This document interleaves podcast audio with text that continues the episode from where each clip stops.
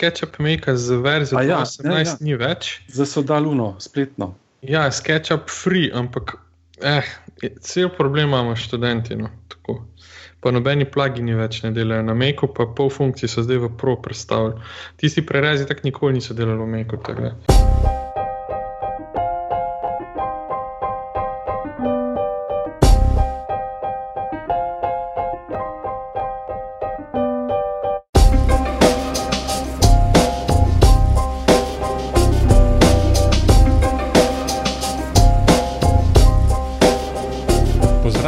V 47. oddaji podcasta BIM Pogovori, v kateri se z gosti sproščeno pogovarjamo o informacijskem modeliranju zgradb in informacijsko-komunikacijskih tehnologijah v gradbeništvu.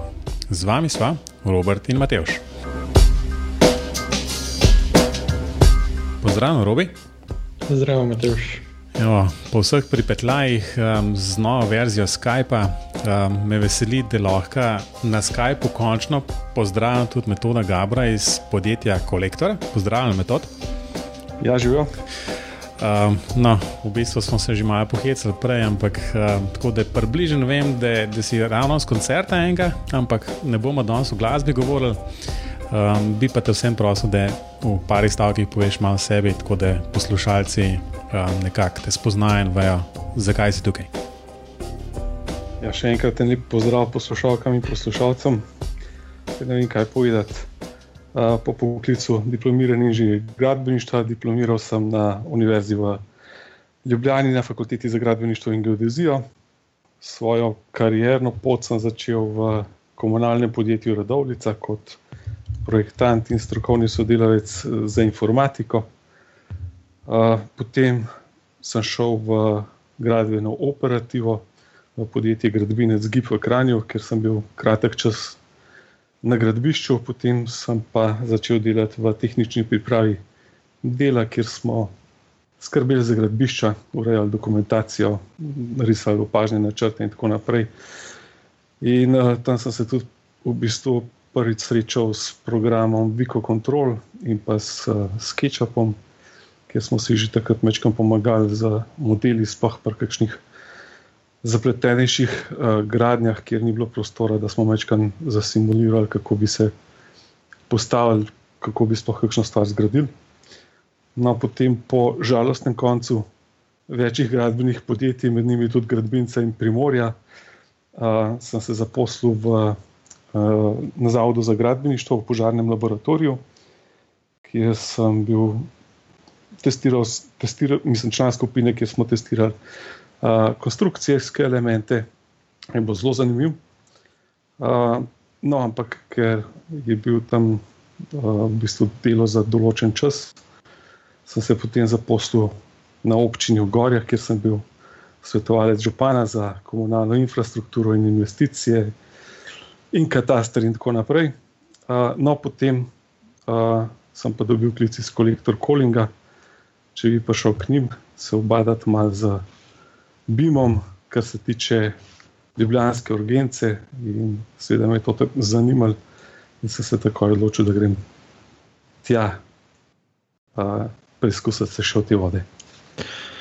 Um, jaz bi najprej pokomentiral to lepo, ker sem ravno kar videl, da so v bistvu ravno eno generacijo, en za drugim. Pa se mi zdi, da je to kar ena taka. Um, žalostna pot vseh gradbenikov iz naše generacije, no, da se mora zamenjati toliko enih podjetij. Um, pa bi sam to, no, da ne pozabim vprašati, um, me zanima, no, kako se tebi zdi, a se je zdaj s tem. S to krizo, pa propadom vseh teh podjetij, oziroma žalostnim koncem večine velikih podjetij, ali se je kaj izgubil znanja, pa tega, ali, ali bomo prišli nazaj. Uh, Jaz mislim, da se je izgubil ogromen, uh, ogromen enih podatkov, ogromen enega znanja, kar se tudi zdaj na gradbiščih na terenu vidi uh, v slabši kakovosti delovne sile. Gradbin zgib Kran uh, je že prej šel enkrat v stečaj, potem ga je kupil Primorje. Uh, je imel svojo delovodsko šolo, usposobljene delovodje, usposobljene delavce in to je bilo čist nekaj drugega, uh, kot je pa zdaj recimo tako da smo veliko skupili. Ja, sej, eno je to pač delovna sila. Mislim, jaz kot slišim no, od kolegov, pa to recimo se sploh ne dobi več kvalitetnih tesarjev. Vse tisto, kar se prej izobrazi, je šlo bolj na sever. Um, ampak kaj pa, omenil si, da si že začel delati nekje v IT-ju, v gradbeništvu, pa to, kaj pa v tej smeri? Uh, a je to res tako veliko izgubljenega, ali, ali se zdaj kaj pobira, ali zagotovo imaš boljši pogled v to, kot recimo jaz? No? No, kar se tiče recimo gradbinca in pa primorja, mi smo imeli v bistvu primorje, imel svoj softver in pa podatke za pač vse kalkulacije, normative in tako naprej. In tega ni več, ne? to se je vse zgubili. Pa to so bili kvalitetni normativi, isto je bilo prej, CT, v vseh teh velikih firmah in tega zdaj ni več. Bi se pa zelo fajn dalo uporabiti, ker so bile izkustvene norme. Ja, sej, um, nekaj za dodati. Mislim, da smo tudi um, zadnj, v zadnjem podkastu um, Andrej povedal podobno zgodbo. Tako da jaz ne vem, mi smo sicer pred kratkim nekaj stopili spet um, v bistvu v.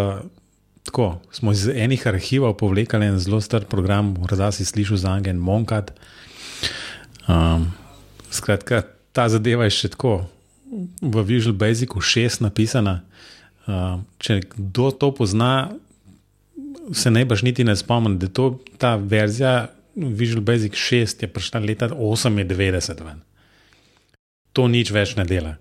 Um, na nobenem sodobnem um, operacijskem sistemu Windows um, to ne dela, skratka, pač ta razvojno okolje. Ne. Tako da že sam po tej plati jaz verjamem, da konec koncev nekje bi se še kaj najbrž našel, ne. tudi tistega starega te stare programske opreme iz SCT, Primorja, ker pa najbrž to toliko časa zdaj ni bilo obnavljano in že skoraj um, najbrž prepozno, da bi se um, iz tega nazaj kaj dobili. Um, ok, ampak jo je robi, začeli smo čistko, um, grozen, ne bimovsko, ne. Noč energije, to je skoraj, skor smo zdaj se potonka in rekli, tole ne bo šlo v kamer. Ne. Še dobro, da imamo BIM tukaj, ne.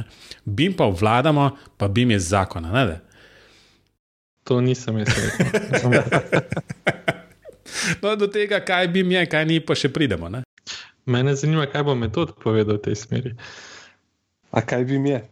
ne, to ne, ampak v bistvu vse jaz verjamem. No. V bistvu, ampak kako je zdaj s tem? A zdaj to pomeni, da je kolektor, um, kot recimo temu, mislim, da je že kar največja gradbena firma v Sloveniji, um, dela na svojih normativih, na svojih popisih, razvija svoj softver. Ali je upanje nekje, da bo to slovensko gradbeništvo stopilo skupaj In glede tega, kaj je naredili, ker smo večkrat slišali, da bi jim pa dejansko kar manjka ta, ta povezava na neke normative, na, na neke popise, dele in tako naprej. Ja, v kolektorju moram popraviti kolektor Calling. No, kolektor je kolektor Calling. Ja. Koncern, mi smo pa skupina, mislim, del skupine kolektor Calling. Ne, mi ne razvijamo nobene svoje opreme, tudi uh, svojih normativov. Ne. Uh, kolektor Calling zelo hitro raste, tako da uh, uh, nas je skozi več uh, in je zelo težko kakšne take hitre uh, zadeve, hitre uh, novitete upeljati.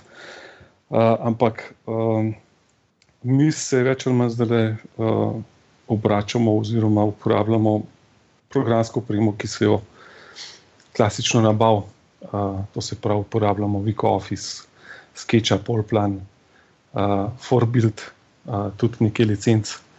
Uh, in se pač bomo to uporabljali, kar je, uh, svojega mislim, da ne bomo razvijali. Jaz sem se malo pripravljal danes na ta naš pogovor, pa sem seveda prišel iz skupine Kolektor, pa na vse te čerinske firme. No. Mislim, da Calling pomeni Kolektor Engineering, če se ja, ne motim. No. Mislim, da je iz tega. Ja, no, in pa je še, še en v, v tej isti skupini, je bivši cestno podjetje Nova Gorica in tako naprej. No.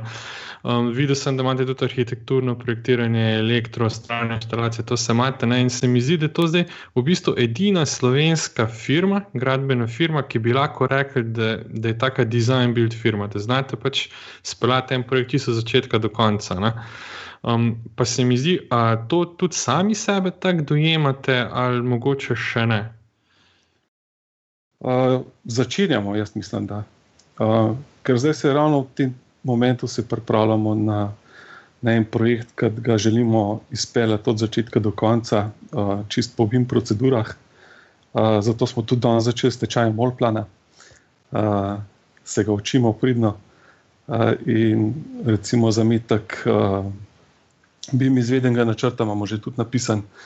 In takoj po novem letu, mislim, da bo kar štart uh, projektive in bomo sprobali v bistvu zadevo, kako, kako dejansko to gre. Um, ampak zdaj, če se že začne z BIM izvedbenim načrtom, potem v bistvu, če prav razumem, zdaj določate urodja, s katerimi boste napadli ta projekt, pa, pa v bistvu določate zdaj smer, šele kako boste ja. šli. Ali je to potem zdaj vaš prvi tak velik projekt, kjer, oziroma prvi projekt, sploh, kjer boste BIM pristop eh, preizkusili, ali ste mogoče že prej kaj poskušali? Uh, zdaj, da bo v celoti ta BIM pristop, uh, smo zdaj v projektu prenove uh, železnice Rimske toplice celje. Uh, tam je investitor pa zahteval, da se en del uh, izvennivojsko križanje Marija Gradec, da se izdela v celoti po, po BIM-u, Uh, sicer so bili tam PGD-ji že narejeni, ampak se usporedno dela še model uh, in pa vse ta dokumentacija, pač spremljajoča uh, za BIM. Uh, tam smo zdaj v fazi, projekti naj bi zdaj v kratkem prišli, uh, 3D, uh, BIM izvedbeni načrt je napisan, uh, tam sodelujemo s podjetjem Lineal in gremo počasi naprej. Drugače, kar se tiče pa izvedbe, smo pa imeli Ljubljansko urgenco, kjer je bila tudi zahteva po 5D-bim spremljavi. Tam smo se pa v bistvu a, konkretno prvič srečali pri izvedbi, ne z BIM-om. No, to je bilo tudi uh, pač recimo, en izmed povodov, zakaj sem te, oziroma zakaj smo te z Rubem povabili v, v to oddajo. Skratka, mi smo se srečali na uh, tele uh, prireditvi ki je Forbuild uh, organiziral, oziroma Hermes. No, in tam si predstavljal v bistvu ravno um, te stvari, ki so mogoče malo povezane z urgenco. A lahko spet zelo na kratko povzameš tisto, ker mislim, da je zelo, meni je bilo predstavitev zelo všeč, povedal si, kot smo se že tam pogovarjali na dogodku. Mislim, da si povedal stvari, ki se jih morajo zavedati vsi tisti, ki bi želeli ne, BIM uporabljati ne samo v, v design fazi, kjer je pač recimo dost normalna zadeva, ampak tudi kasneje v sami izvedbi. Tako da, lej, recimo v parih, parih stavkih, tisti res bistveni poudarki tega. No, uh, BIM, oziroma Ljubljanska urgenca, uh, ki smo jo gradili, je bila zahteva, da se sam projekt spremlja v PDB-u in to je bila tudi edina, edina postavka, v, oziroma edini opis v, v razpisu. Uh, dobili smo uh, dva dni načrte v PDF-ju, v DVG-ju uh, in to je to, pa popis v Excelu. Iz tega smo potlej naredili en model uh, konstrukcije. Popis je bilo treba v celoti predelati, Excel v, v, v ustrezno obliko, da se je dal to uvoziti v program za, za uh, 5D. Um, in tukaj so bile že kar uh, ene velike težave, ker vsak popisovalec uh, popis dela po svoje, eni pišejo lepo vsako postavko v svojo vrstico, eni podpisujejo. Opis postavke pod njo pa napisajo še količine ali pa um, enote mere, in tako naprej. In da urediš tak popis, je je mu kotrpno delo. Uh, urgenca popis je bil Excel 33 tisoč vrstic za 7500 postavk. Uh, tako da le sem porabil kar en teden, da sem jih ustrezno uh, priredil, da so bile primerne za uvoz v, v program.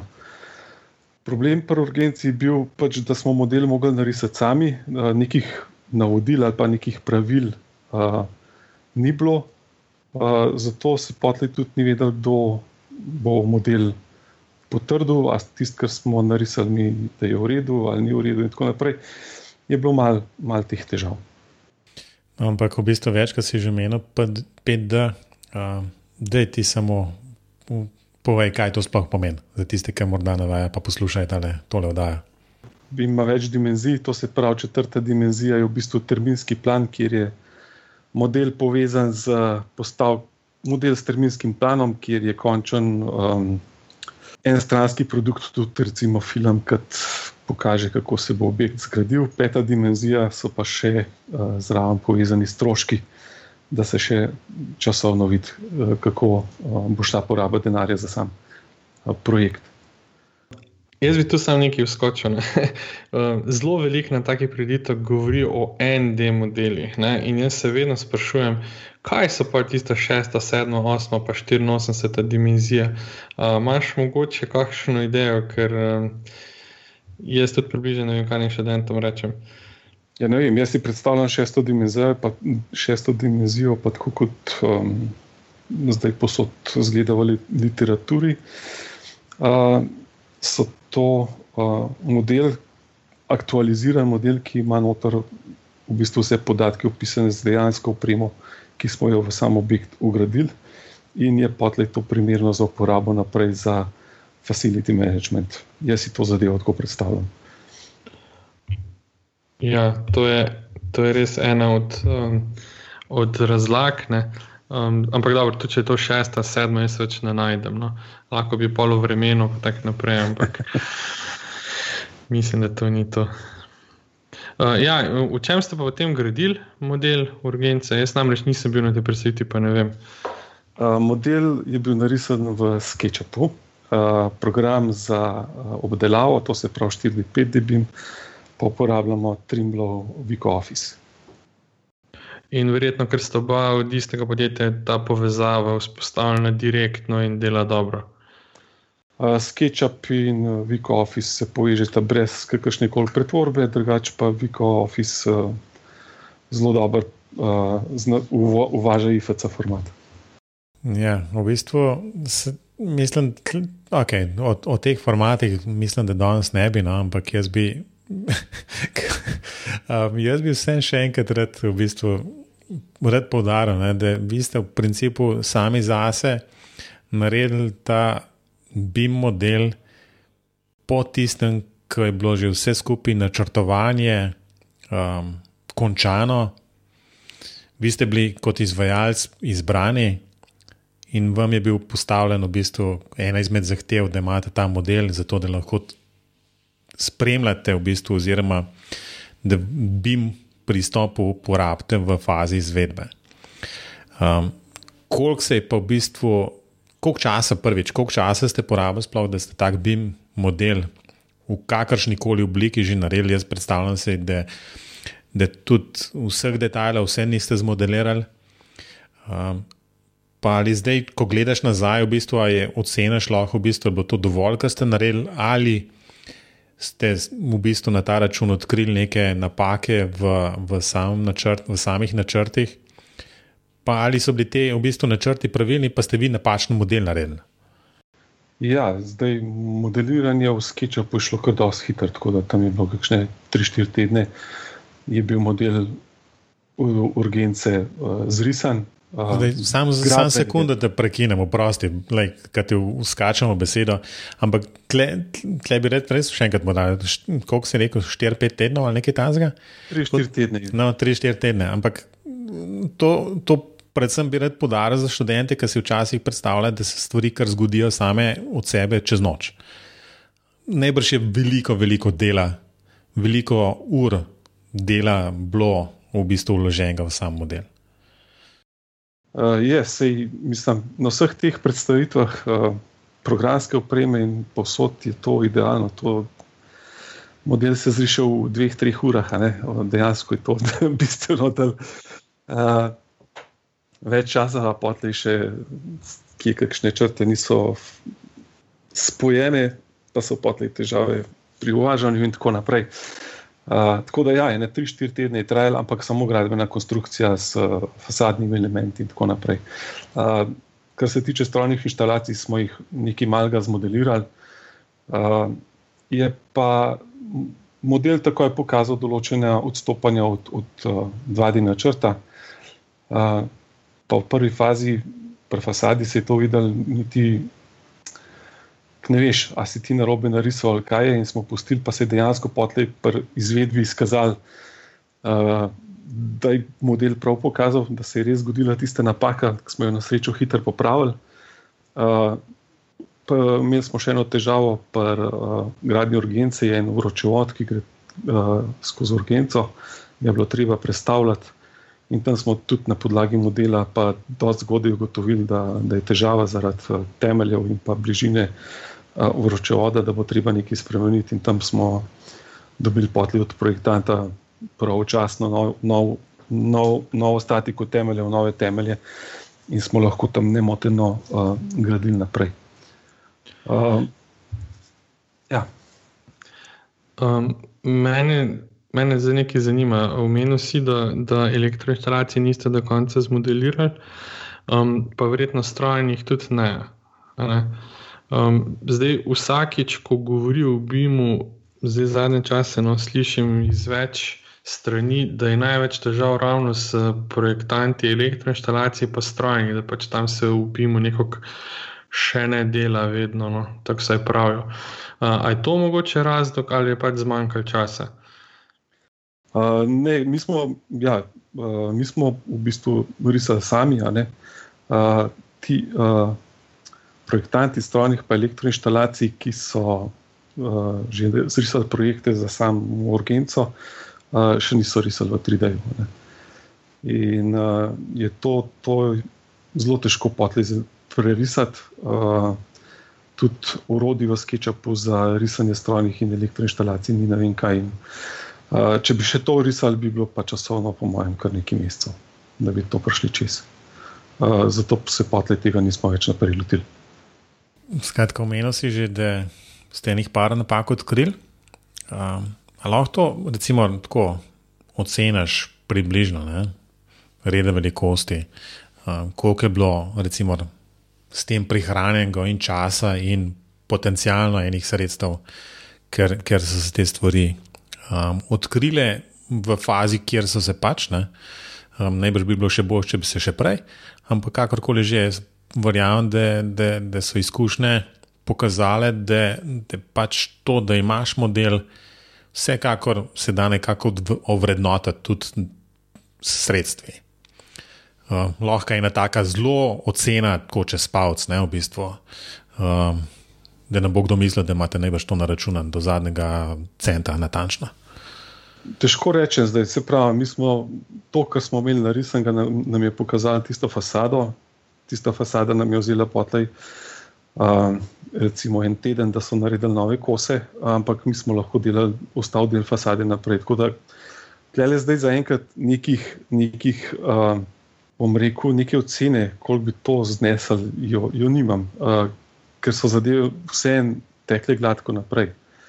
Uh, čeprav bi pa vse jih pri izvedbi, pa če gledamo tudi v PIM pristopu izvedbe, uh, se mi zdi uh, bolj pomemben uh, obvladovanje podatkov, uh, ki se producirajo na gradbišču, kot pa uh, recimo, mal, se mi zdi, da malo preveč poveličujemo ta 3D model, uh, 3D model stavbe uh, v fazi izvedbe. Uh, Če bi šlo vse po pravilih, bi mi pač ta model mogli že dobiti uh, mogel bi biti čim bolj clash free, to se pravi, čim manj kolizij. Uh, in mi potlej, ko objekt gradimo, delamo naprej na tem, na tem modelu, uh, produciramo zadnje ogromno količino podatkov, ki jih je treba obvladovati, uh, od uh, merjenja, uh, odstopanja in tako naprej, da se lahko uh, model eventualno popravlja. In tukaj jaz vidim, da je uh, bolj pomembna zadeva v fazi izvedbe, kot pa sam model, ki bi ga mi že v bistvu mogli dobiti. Si si sam že nekako nakazal v tej smeri, na gradbišču nima oni s tem 3D modelom kaj početi, tam, tam v bistvu, da to še nima mesta. Ali, ali, ali se tukaj spet jaz motim? Um, jaz na gradbišču model uh, je seveda zelo dober zaradi uh, vizualne predstave, uh, ker si vsi, ki so tam, uh, od delovodja, vodi gradbišč, uh, vseh ostalih udeležencev, uh, zelo hitro uh, predstavljajo prostore, predstavljajo, kako bo objekt izgledal. In tukaj je ena prednost, tudi uh, izrise, izpise, ki jih lahko naredimo iz uh, 3D modela, vem, kje so požarne stene, kje so uh, vidni betoni, recimo, uh, uh, da je delovodja skozi risbo upozorjen uh, na to, da morajo tam še posebej paziti. Ne? Tukaj je, model mora tudi biti na gradbišču. Sam še enkrat pa ena količina podatkov od tega, da če se kje kaj zlom, da dobimo ta pravi informacije od projektanta, a, potem potrditve materijalov. A, tega se nabere na enem takem gradbišču, recimo kot je urgenca. Na urgenci je bilo samo potrditve materijalov 20 fasciklov. In to smo vodili v bistvu v digitalni obliki in v papirni obliki. In je bilo kar tako. Lahko, če, če to ni nekako narejeno v enem redu, uh, se zadeve začnejo zelo hitro zgubljati. Uh, ja, to, to se strinjam. Ja. Um, kaj pa, recimo, zdaj omenil si, da na gradbišču pač, da je 3D model zelo pomemben. Se jaz se sicer s tem strinjam, ampak uh, moje izkušnje so pač take, da ko je prišel nadzor, je rekel, mene to ne zanima, ne? zato ker pač podpisali smo projekt pač z načrti. Um, ampak uh, mene to zanima, kako potem rešujete prave verzije modelov, ker to no, mi pa vsi omenjajo, da to je, to je pa ogromen problem. Ne?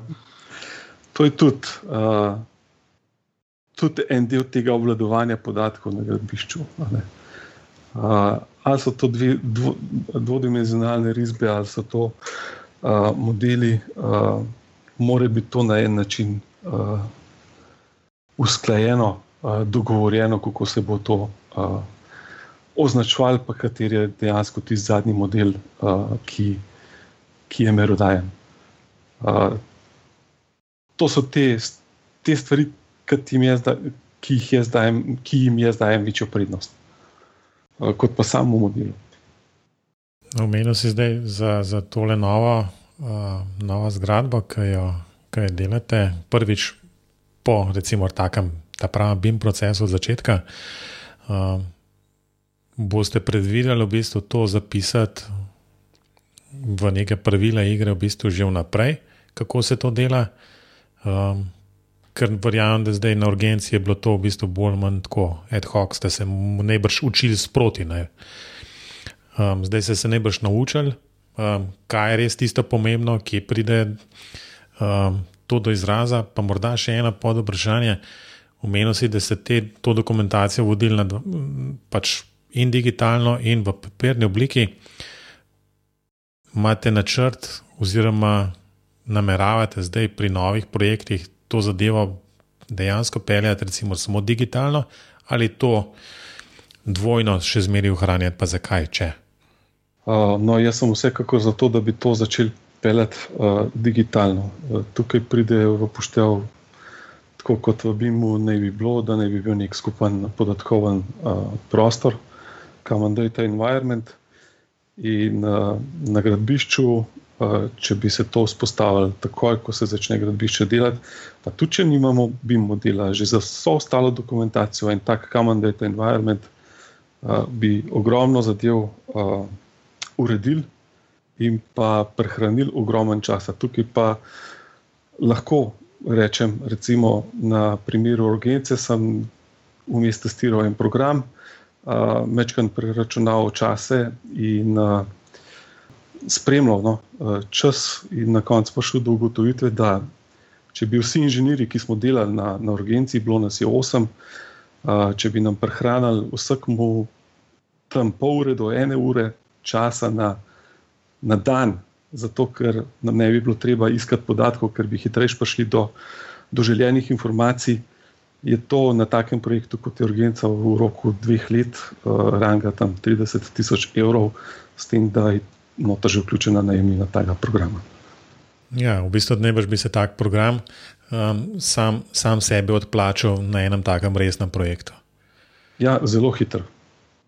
Ja, tako da mislim, to je, to je zmeri, zmeri hec, ne, kjer, kjer je v bistvu se po eni strani reče, so ta urodja zelo draga, um, ne vem, in najemnina programov, avtodeska ali pa kup, nakupne licence, Alplana, Arhikeda.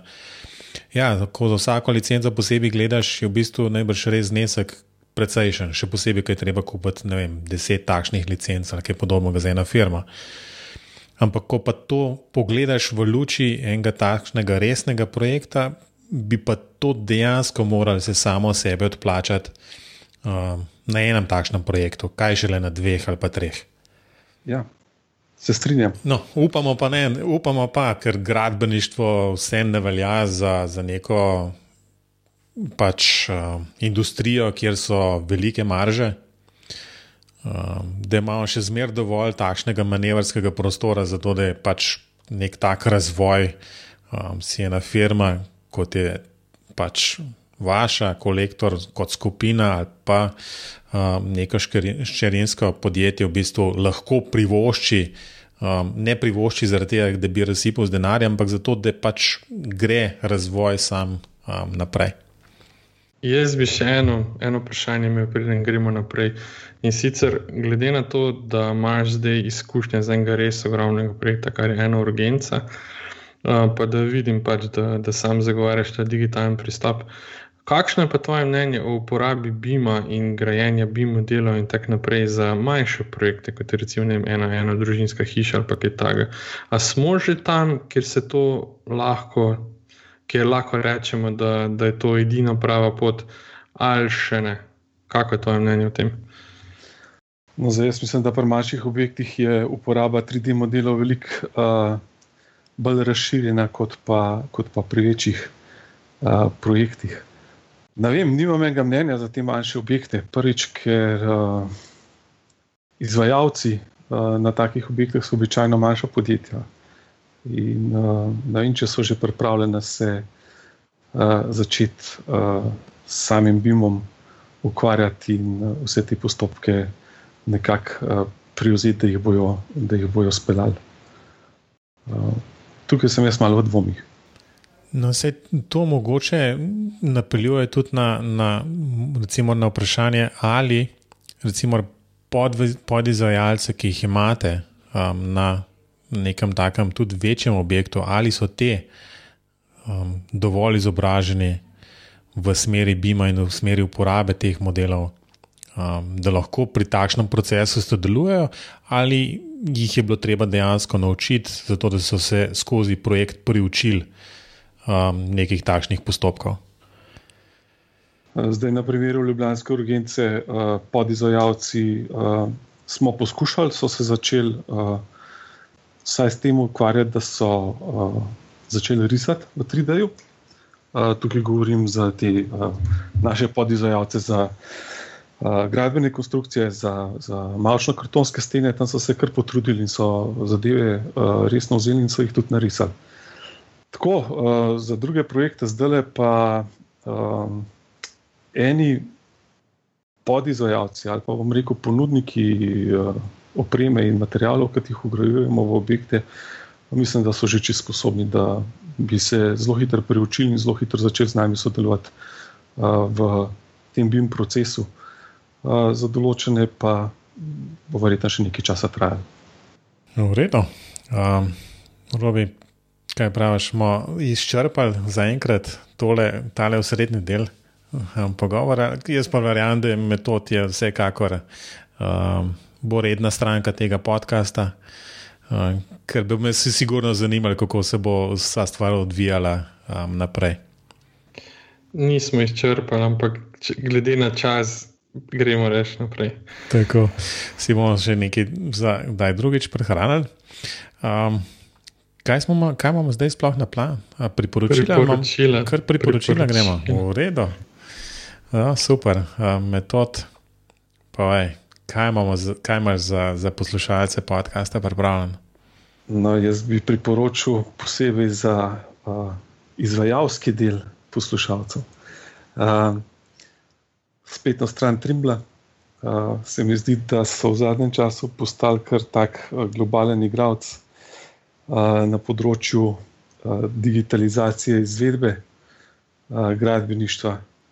In na tej spletni strani se mi zdi, da se že kar konkretno nakazuje smer uh, digitalizacije v gradbeništvu, oziroma kam bomo v izvedbi uh, šli v vodenje strojev. V, v uh, beam to field, to se pravi v prenos uh, modela v realnost, snemanje oblakov, točk in tako naprej. Uh, mislim, jaz sem na tej strani, se, iz teh spletnih strani, sem se veliko naučil. Tako da priporočam, da si jo pogledate. Hvala, Robi, ja. Ja, hvala. Um, mi smo z metodo imeli že prej eno kratko debato na temo Trimbla. Meni se zdi, da je SketchUp vsakič slabši, ampak mi tudi zdi, da ne. Uh, ampak ok. ja, jaz sem to srečo, da imam proverzijo ja, ja, se, se, sve se je že dogovorilo. Um, moje priporočilo tokrat je pa pač uh, v eni drugi smeri, no, in to je v smeri umetne inteligence. Uh, in sicer kot po naključju sem tole povezavo našel par dni nazaj in sicer gre, govori o, o enem programu, ki se mu reče Alpha Zero, ki se nauči igrati šah. In sicer to je eden od naslednikov programov, ki so se naučili igrati Go in tako naprej. No? Ampak kar je posebno pri tem, pri tem programu, je to, da v bistvu deluje na nek način na podlagi intuicije, če lahko temu rečemo intuicija. No? Uh, kar pomeni, da da se je sam naučil šaha, naučil se ga samo pravil, uh, izvaja veliko manj operacij na sekundo, kot najboljši računalniki in najboljši programi, pa vse jih premaguje, vse po vrsti. No? no, in še eno na ključe je to, da je danes bila objavljena tudi ena kolumna, ki jo je napisal Žiga Turk, ki je bil tudi najgost na tem podkastu eh, na Siolu in piše ravno tudi o tem programu. In zakaj je v bistvu to res tako prelomna stvar. Um, kar se pa mene tiče, se me pa tole navdušuje, pa hkrati zelo, zelo straši, kje se bo to končalo. Um, Itak pa pravijo, da je naslednja stopnja za gradbeništvo zdaj umetna inteligenca, zdaj ko se je BIM izčrpal. bomo videli, če bo kaj v tej smeri. Ja, v bistvu moram reči, da sem ravno en podcast poslušal, kjer so točno o, o tem Alfa Zero govorili tudi. In je bilo nekako tako rečeno, da je ta Deep Blue, ki je prej bil v bistvu svetovni prvak v, v, v šahu, kjer je, so ga razvijali in so ga učili ne vem koliko časa. Na ta Alfa Zero se je tako v enih dveh, treh urah naučil vse skupaj in ga pol premagal. In je bil pol hec, ker se je v bistvu ta Alfa Zero naučil še Go igrati v naslednjih dveh urah in je pol tudi svetovnega prvaka v igri Go premagal. Tako da, ja, um, ne vem pa, kako je z umetno inteligenco. Um, jaz sicer nisem dobil tega občutka, da, da je pač neka intuicija zadaj, um, da uporabljam manj um, operacij kot um, ti veliki računalniki, ki so bili s tem namenom um, narejeni, ampak nisem se pa v te stvari spuščal, tako da robi ti verjamem, če si bral članek, da um, bo že držal. Ne? No, lahko ti na hitro povem, da vsi programi do zdaj so uporabljali brute force, pač so izračunali vse možne kombinacije.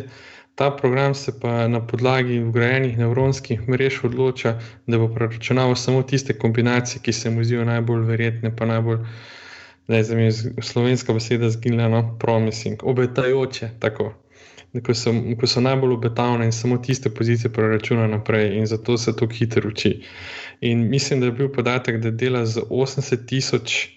80 tisoč potez na sekundo, nekaj takega. No.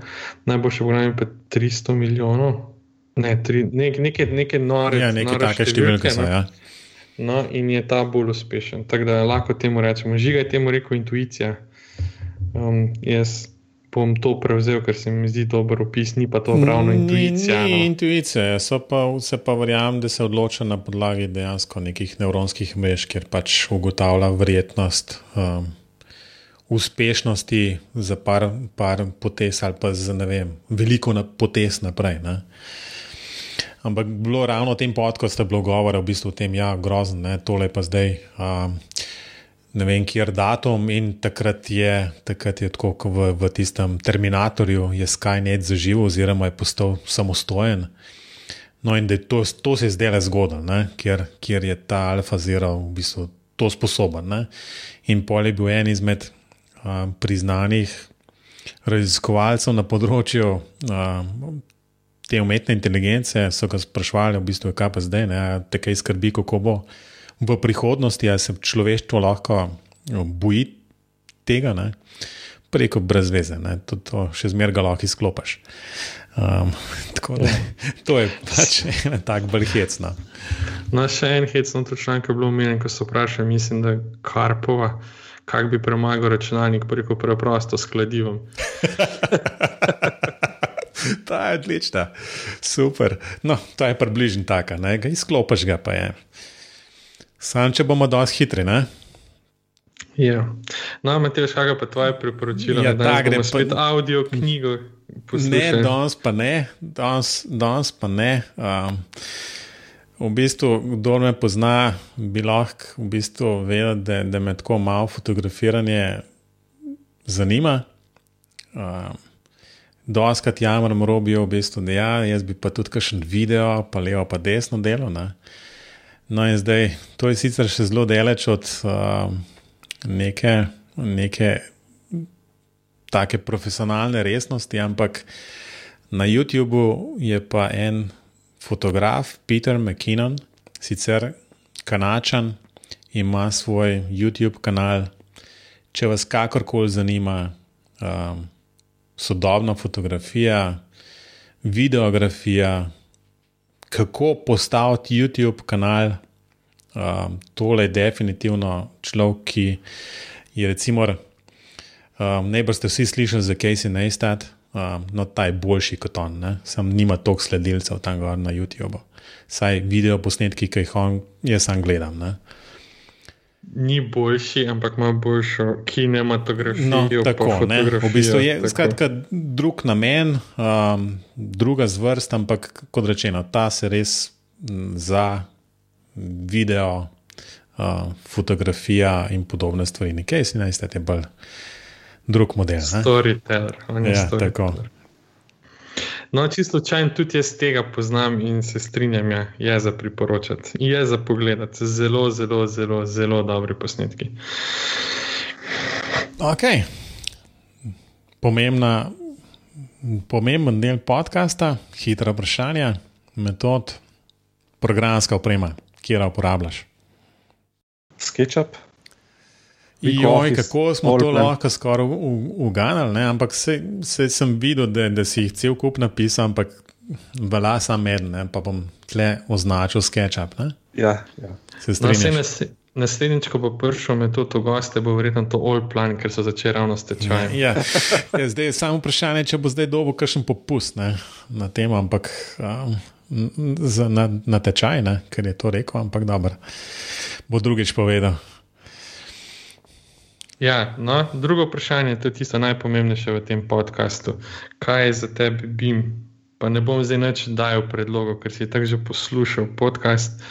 No, kaj je za tebe BIM, oziroma vsaj ta M na koncu? Proces. je proces. To je zmer slabš, tole moram jaz ukiniti. Odgovor je pravilen. bom jaz ukinil ta del hitrih vprašanj, ali sem pa tri nove zmislil.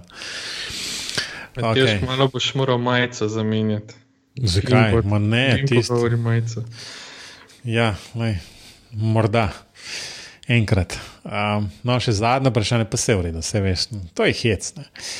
Še zadnje vprašanje, ta je mečka najmanj resen ali pa najmanj, najmanj pomemben, se mi zdi ta odprt pristop v BIM-u. Um, koliko ste ugotovili ali pa si ugotovili, da je to uporabno, ta moment in jasno vizija naprej, ja, ne, kako je s tem. Definitivno, ja. Um, zadeva je uporabna in tudi uh, naprej, jaz mislim, da se bo to samo še bolj razvijalo. No, bi pa rad, bi pa res dejansko, morda enkrat drugič, ne? boš povedal, kako je zdaj, ko imate ta infrastrukturen projekt, uh, kako se vsa stvar tam odnese, ampak dobro, ne bomo zdaj več. Danes smo, danes smo visoko gradnjo obdelali um, z urgenco, naslednjič enkrat boš pa lahko povedal, kako je bilo na tem projektu um, infrastrukturno. Um, v redu, le se strinjamo, da je OpenBeam pomemben, upam, da tudi da dela za vse tiste, ki ga uporabljate, druga pa ne, pa tudi v redu. Um, Noben ga ne obsojava. Um, tako da mislim, da smo končali. Um, tako da je morda za konec, predno rečemo, adijo metod, povej, kako te lahko poslušalci kontaktirajo, če imajo kakšno dodatno vprašanje. Um, če hočeš vedeti, kaj je 4D, 5D, kot ga, kot ga vidiš ti. Ja, moj. Uh e-mail, na, najlažje na e-mailu, uh, metod.gaber, afnakolektor.com ali pa metod.gaber, afnagmail.com, tukaj bom najhitrejši dosegljiv. No moram te pohvaliti, v bistvu si res tako. Pošljem mail, čez 15 minut dobim že odgovor, le jaz ne vem, kako to narediš. To vse na telefonu narediš? Uh, ne, ne, ne. Mi, mi, ja, sem imel to srečo, da sem te dolgo gledal za računalnik. ok, Robi, povej. A še upava na to, da naj bo kdo kontaktiral? Ma, ne, jaz ne upam več. Sicer, če se kdo zmoti, moj e-mail je robert.klinc.net. Um, drugače pa sem itak navaden, da ko me na dogodkih vidite, pa vsak, mislim, zelo veliko vas pride, pa se pa kaj pomenilo. Vse bom tudi s tem zadovoljen. Lej, to tudi moram pohvaliti, v bistvu, skratka, če ne drugega, ko, ko se nekje pojavlja, saj ima istočnico za pogovor. Ne? Tako kot sem z metodom začel, ni bilo problema reči, da je metod, da ti prišel sem nekaj povedati. In eh, metod je rekel, hvala, super, takoj bom prišel. Malo si se sicer opiral, ampak smo te takoj prepričali. Tako da se ti najlepše zahvaljujem za pripravljenost, odkritost, da si povedal stvari, kot um, so se dogajale um, povedal svoje izkušnje um, pri uporabi Bima, tako da je res najlepša hvala. Ja, Matejš, kaj pa tebe najdemo, še nisi povedal? Ah, v redu, lahko tudi jaz povem. Matejš dolenc.com, tam boste vse zvedeli naprej. Tako da um, mislim, da je to vse za danes. Lahko samo povemo, kje, kje so bim pogovori. Če slučajno zaidete, pa ne veste, na spletu bimpogovori.com, na Facebooku, Twitterju, tam včasih malo mal, um, nisva najbolj aktivna, pa bi lahko bila. Ampak dobro, to je že druga zgodba, ki se bo popravila v letu 2018, ki se približuje. Tako da za danes pa najlepše hvala vsem, ki ste preposlušali do konca. Uh, Metod tebi še enkrat hvala za, za to, da si si vzel čas in se vidimo in slišmo. Hvala vam za povabilo. Adijo.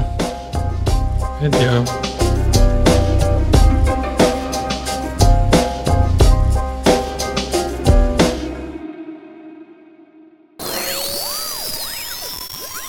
Ja, zato, ker sem 15 minut nazaj prišel iz koncerta. Tako da je imela, je imela hčera uh, koncert, klavirski in, in smo poslušali. Ja, jaz tudi. sem prišel z koncerta. Res, a gej. ja, ja, smo imeli tudi koncert, flauto pa kitaro. uh, lepo. Imamo pa naslednji teden. Uh, to, kaj, čaki, a, a to, to zdaj pomeni v bistvu zametki novega podcasta? Um, otroške, otroške, ja, ja, ja. otroške glasbene šole. ne, ne, veš, kaj bi pa res lahko bil podcast, učetje.